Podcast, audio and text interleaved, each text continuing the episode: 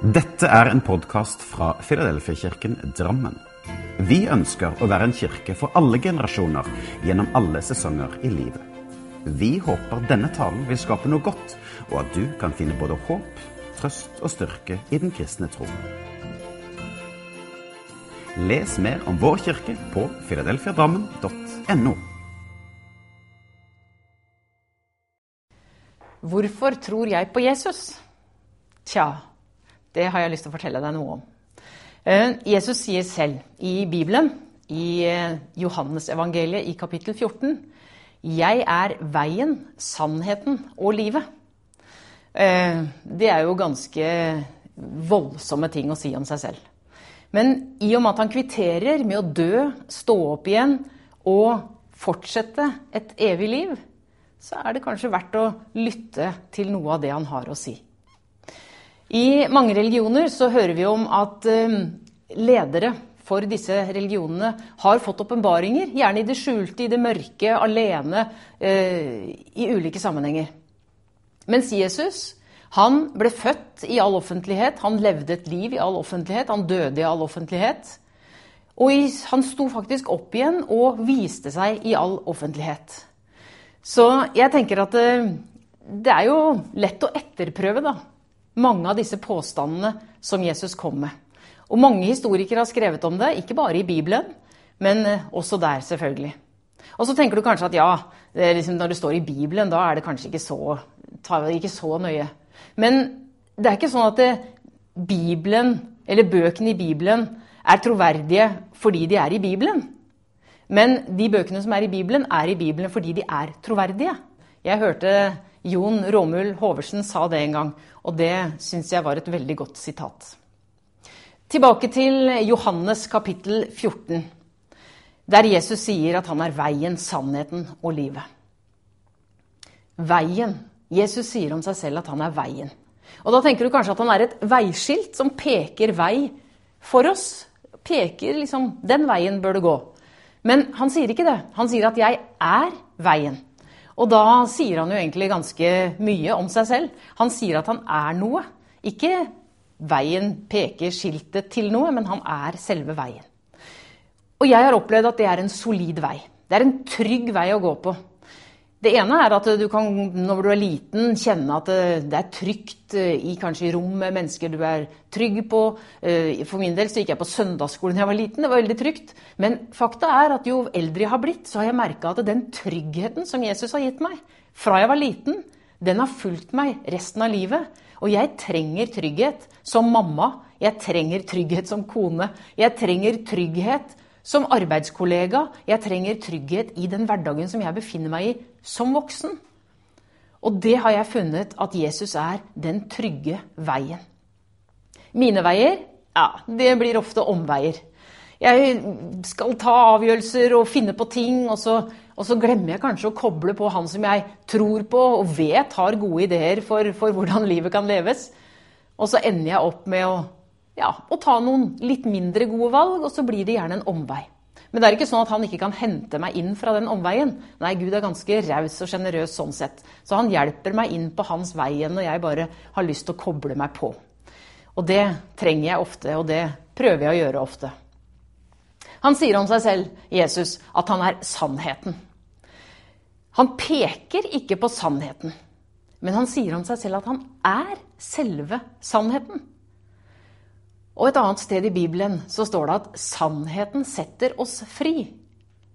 Eh, jeg kan godt ta eksempler fra det motsatte.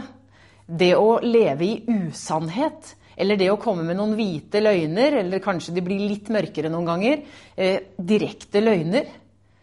Og så går man rundt med en ja, uggen følelse i kroppen. For plutselig man er redd for at det skal avsløres. Fordi at det jeg sa, det, jeg vet at det var feil. Jeg vet at det var løgn. Og så går man rundt med en litt sånn redsel som gjør at vi blir litt bundet. Og der er det Jesus sier at han kommer inn med sannheten, og sannheten skal sette oss fri. Så selv om sannheten kan være vanskelig å få fram noen ganger, så er det det beste å komme med sannheten i det lange løp. Det kan få en konsekvens der og da hvis du har gjort noe galt som, som trenger straff av en eller annen slag. Eh, samfunnet er jo gode på det. Men allikevel, i det lange løp, så kan du få lov til å oppleve en frihet som er annerledes. Løgnen binder oss, mens Jesus sier han er sannheten og setter oss fri. Livet, sier han. Jeg er livet. Og igjen, han viser ikke veien til et liv, til et godt liv, eller til et lykkelig liv, eller til et fantastisk liv. Han sier 'jeg er livet'. Han er selve meningen med livet. Og hva er ikke tristere enn et liv som oppleves som meningsløst? Alle leter vi etter meningen. Vi leter etter noe å leve for. Noe som er større, noe som er utenfor oss selv. Det er i hvert fall det jeg kjenner meg sjøl igjen på. Jeg leter etter noe som er større enn meg selv. Jeg har ikke alle svarene. Jeg vet ikke alt. Jeg kan ikke alt. Men så kjenner jeg en gjennom relasjonen min til Jesus som kan hjelpe meg i de vanskelige situasjonene i livet. Å henvende meg til Han som er selve livet, det gir meg håp. Så Jesus han er ikke bare veien, sannheten og livet, men for meg så blir han også håpet. I slutten av det verset som jeg leste fra Johannes kapittel 14, så står det at det er ingen annen vei til Gud, til Far, til himmelen, enn den som går gjennom Jesus. Og det betyr faktisk at alle som tror på Jesus, de inviteres til å være med til himmelen.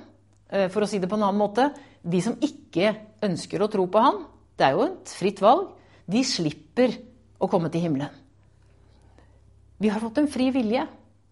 Og fri vilje, det betyr at du helt kan bestemme selv. Det er ingen som kan tre noe nedover hodet ditt. Jeg kan heller ikke overbevise deg utenifra. Men overbevisningen vår, den kommer fra hjertene våre. Vi må overbevises innenifra. Jesus han har lovet å komme tilbake en dag og hente alle som tror på ham, og alle som vil være med til himmelen. Det er en dag jeg ser fram til, selv om jeg mm, forhåpentligvis har mange dager igjen her på jorda og gleder meg over å kunne leve her. Eh, selv om dagene kan være opp og ned, og ikke alle dager er like gode, så er allikevel livet eh, verdt å leve, syns jeg. Men jeg kan få lov til å glede meg til det livet som faktisk kommer etter dette livet også. Jeg gleder meg ikke til døden, men jeg gleder meg til det livet som kommer etter. Fordi at jeg tror på Jesus, så tror jeg at det han har sagt, er sant. Og når han har sagt at han vil komme ned og hente oss og ta oss med tilbake til himmelen, der hvor han hører hjemme, ja, så tror jeg på det. Du kan kalle det barnslig, men det er deilig å være barnslig av og til.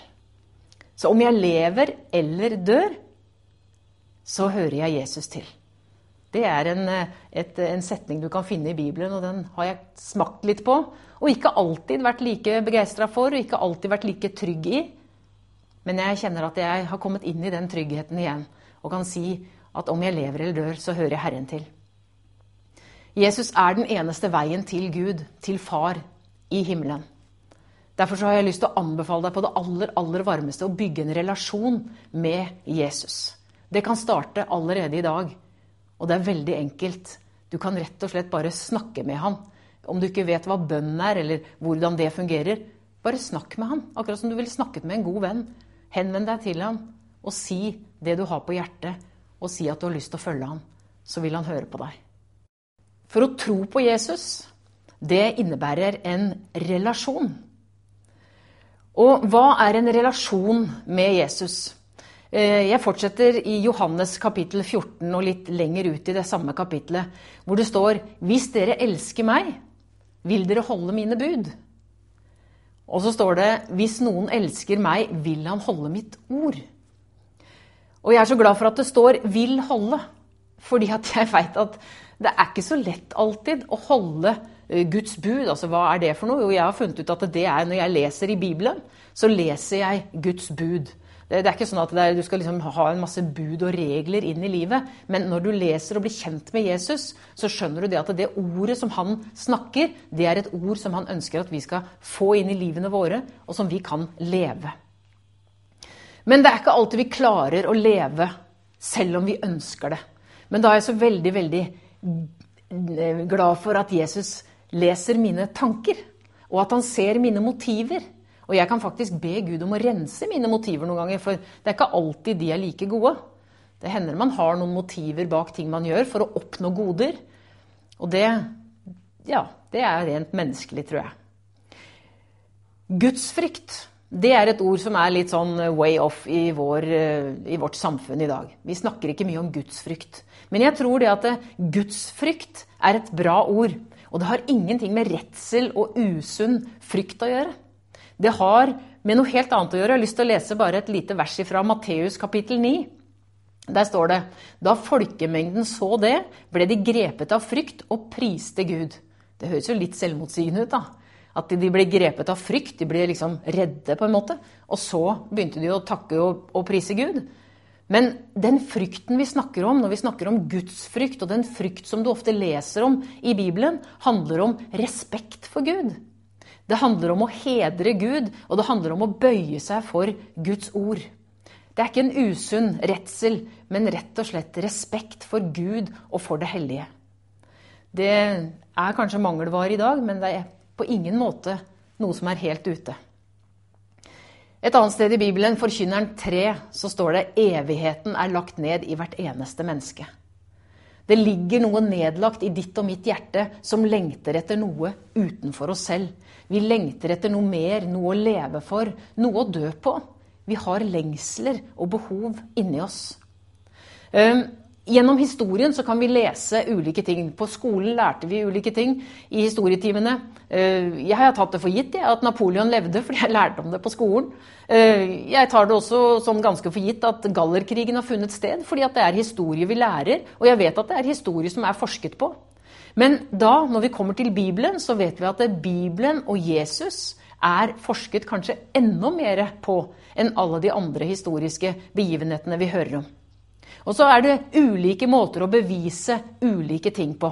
Vi må bruke ulike verktøy for å bevise ulike ting av ting som vi ønsker å oppdage og, og finne litt mer ut av. Og jeg tenker at vitenskapen spiller sin rolle. Men jeg tenker allikevel at det erstatter ikke Gud, skaperen.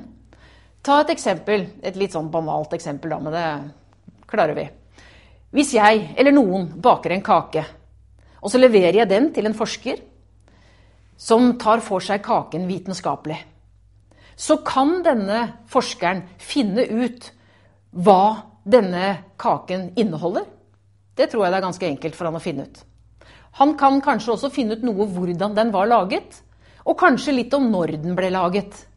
Men denne vitenskapspersonen kan nok ikke fortelle hvem som har laget kaken. Ok, han fikk den av meg, så han kan anta at det var meg, men jeg kan ha fått den fra noen andre og levert den til han. Skjønner du?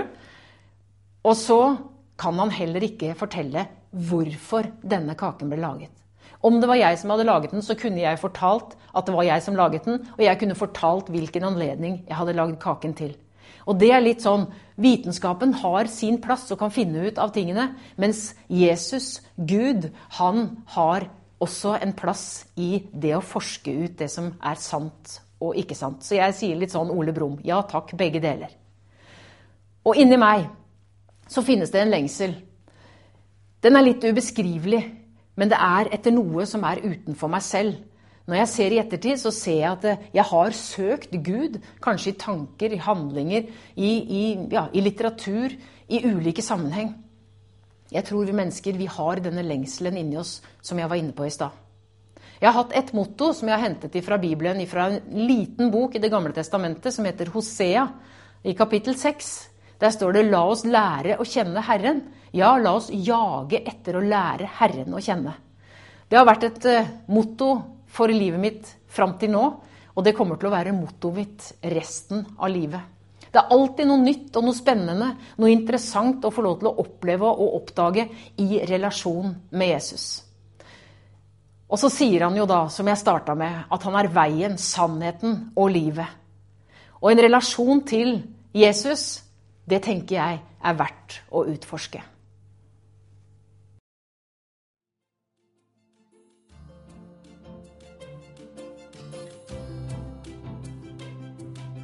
Som en avslutning på denne podkasten ønsker vi å lyse Herrens velsignelse over deg. Herren velsigne deg og bevare deg. Herren la sitt ansikt lyse over deg og være deg nådig. Herren løfte sitt åsyn på deg og gi deg fred.